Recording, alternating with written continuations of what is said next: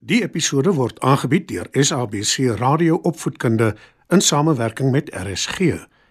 SABC Opvoedkunde, Enriching Minds, Enriching Lives. Opskud. Skryf nader en kom luister en leer saam.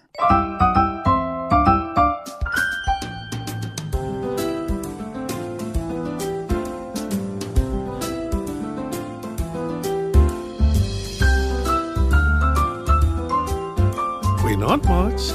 Dis weer tyd vir opskud. In vanaand se storie vertel ek julle van 'n koning wat die hele tyd nuwe klere wou hê en hoe dit hom uiteindelik suur bekom het. Skyf gerus nader, dan val ons sommer dadelik weg met ons storie.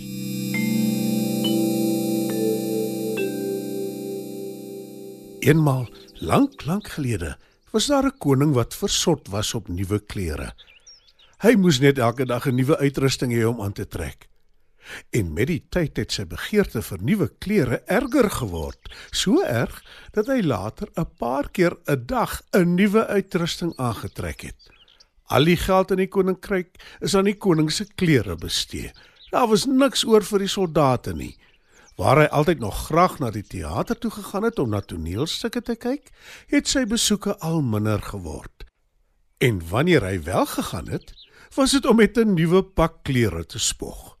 Die mense in sy koninkryk spot hom agter sy rug natuurlik. En wanneer iemand wil weet waar die koning is, dan sê hulle in sy klerekas. Toe op 'n dag daag daar twee skelms op in die koninkryk. Hulle het gehoor van die koning se liefde vir nuwe klere en hulle gee voor dat hulle kleremakers is. Ons weef die wonderbaarlikste klere met die mooiste patrone en die helderste kleure. Verkondig die eerste skelm. En die tweede ene voeg nog 'n leuen by. En wat ons klere so uitsonderlik maak, is dat dit onsigbaar is vir enige een wat nie uitmuntende smaak het nie. Die koning kom daarvan te hore en sê vir homself: As ek so 'n pak klere het, kan ek in my koninkryk rond beweeg sonder om raak gesien te word. Dan kan ek hoor wat die mense oor my te sê het en ek kan agterkom hoe hulle regtig oor my voel. Hy ontbied die sogenaamde kleremakers en gee hulle opdrag om vir hom die heel mooiste en die heel beste pak klere te maak. Dit gaan heel wat kos. Ons sal net die beste materiaal moet gebruik. Die sagste sy en goue gare. Sê die eerste skelm. Natuurlik. Ek voorsien alles wat jy nodig het. Antwoord die koning. Die twee skelms glimlag slinks en stop hulle rugsakke vol goue munte. En toe sê een van hulle: Ons sal dadelik die sy en goue gare aankoop. En ons het ook 'n kamer in die paleis nodig om in te werk en spinwiele. In die hak. Antwoord die koning. Die spinnewiele word afgelewer en die twee skelms maak hulle tuis in 'n kamer in die paleis en gee voor dat hulle vir die koning 'n pak klere maak van die pragtigste sy-materiaal en goue gare. Wat hulle eintlik doen, is om die materiaal en gare ook in hulle rugsakke te stop. Intussen is die koning nuuskierig om te sien hoe hulle vorder. Hy is ook ongeduldig, maar hy wil nie self gaan kyk hoe die twee skelms wat voorgee hulle is kleremakers vorder nie. Ek wil nie 'n kleremakers met hulle besondere vermoë moet dink ek is onkundig nie. En die klere is buitendien onsigbaar, sê hy. En hy besluit om sy eie kleremaker te vra om te gaan kyk. Die koning vertrou hom. Hy maak al jare lank sy klere en is ook 'n loyale vriend. Die koning se kleremaker gaan na die kamer toe en bekyk die leë spinwiele. Ek weet hulle het beweer die klere is onsigbaar, maar ek vind dit moeilik om te glo. Daar is dan nie eers gare op die spinwiele nie. Maar miskien is ek net onkundig. Ek beter liewer stil bly oor my bedenkinge. Dis dalk beter om te wag en sien wat die eindproduk is. sê hy vir homself. En toe die koning sy kleremaker vra hoe die nuwe kleremakers vorder, antwoord hy: Hulle vorder goed, U Majesteit. Ek sien uit na die eindproduk. Die koning glimlag tevrede. Intussen is die hele koninkryk in afwagting. Hulle wonder hoe die onsigbare klere gaan lyk. Die meeste van hulle is maar skepties. Die koning besluit om sy nuwe klere tydens 'n optog deur die strate van sy koninkryk vir die mense te wys. Die kleremakers, wat eintlik skelms is, gee voor om deur die nag te werk op die vooraand van die optog om die klere klaar te maak. 'n Lig brand die hele nag. Hulle trap die spinwiele met niks op nie en sny dekbeeldige materiaal in die lug.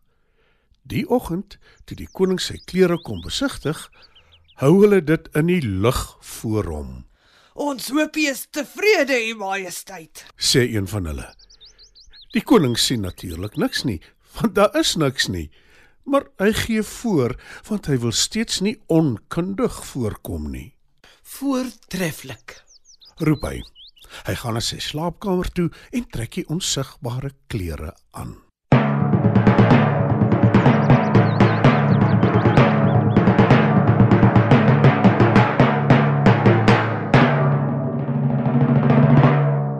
Kort daarna begin die optog.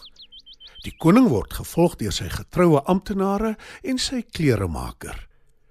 Die mense vergaap hulle aan hulle koning wat sonder 'n draad klere deur die strate loop, maar niemand durf iets sê nie. Maar soos wat die spreekwoord lui, uit die mond van die suigeling hoor jy die waarheid. En dit beteken natuurlik dat kinders makliker die waarheid praat omdat hulle nog nie soos groot mense soms noodgedwonge moes leer jok nie. En midde in die optog roep 'n klein seentjie: Maar die koning is dan koel. Hy het niks klere aan nie. Die koning is woedend. Maar hy weet die seentjie is reg. En hy weet ook dat hy nie saam met die kastige klere onsigbaar is soos wat hy hom voorheen verbeel het nie. Tog loop hy die hele pad statig terug na sy paleis toe in sy onsigbare gewaad, gevolg deur sy amptenare wat saam met hom voorgee dat hy wel klere aan het. Julle wonder seker hoekom, maats. Maar die antwoord is eenvoudig. Dis omdat hy te trots was om te erken hy is om die bos gelei deur swendelaars.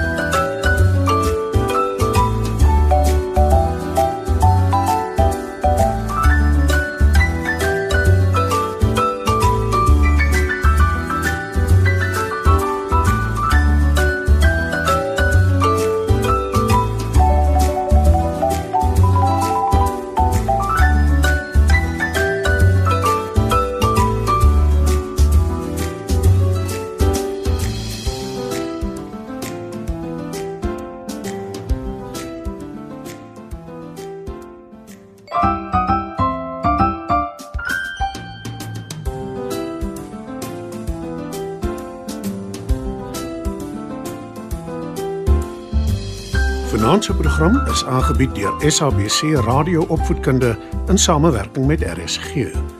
SABC Opvoedkunde. Enriching Minds, Enriching Lives.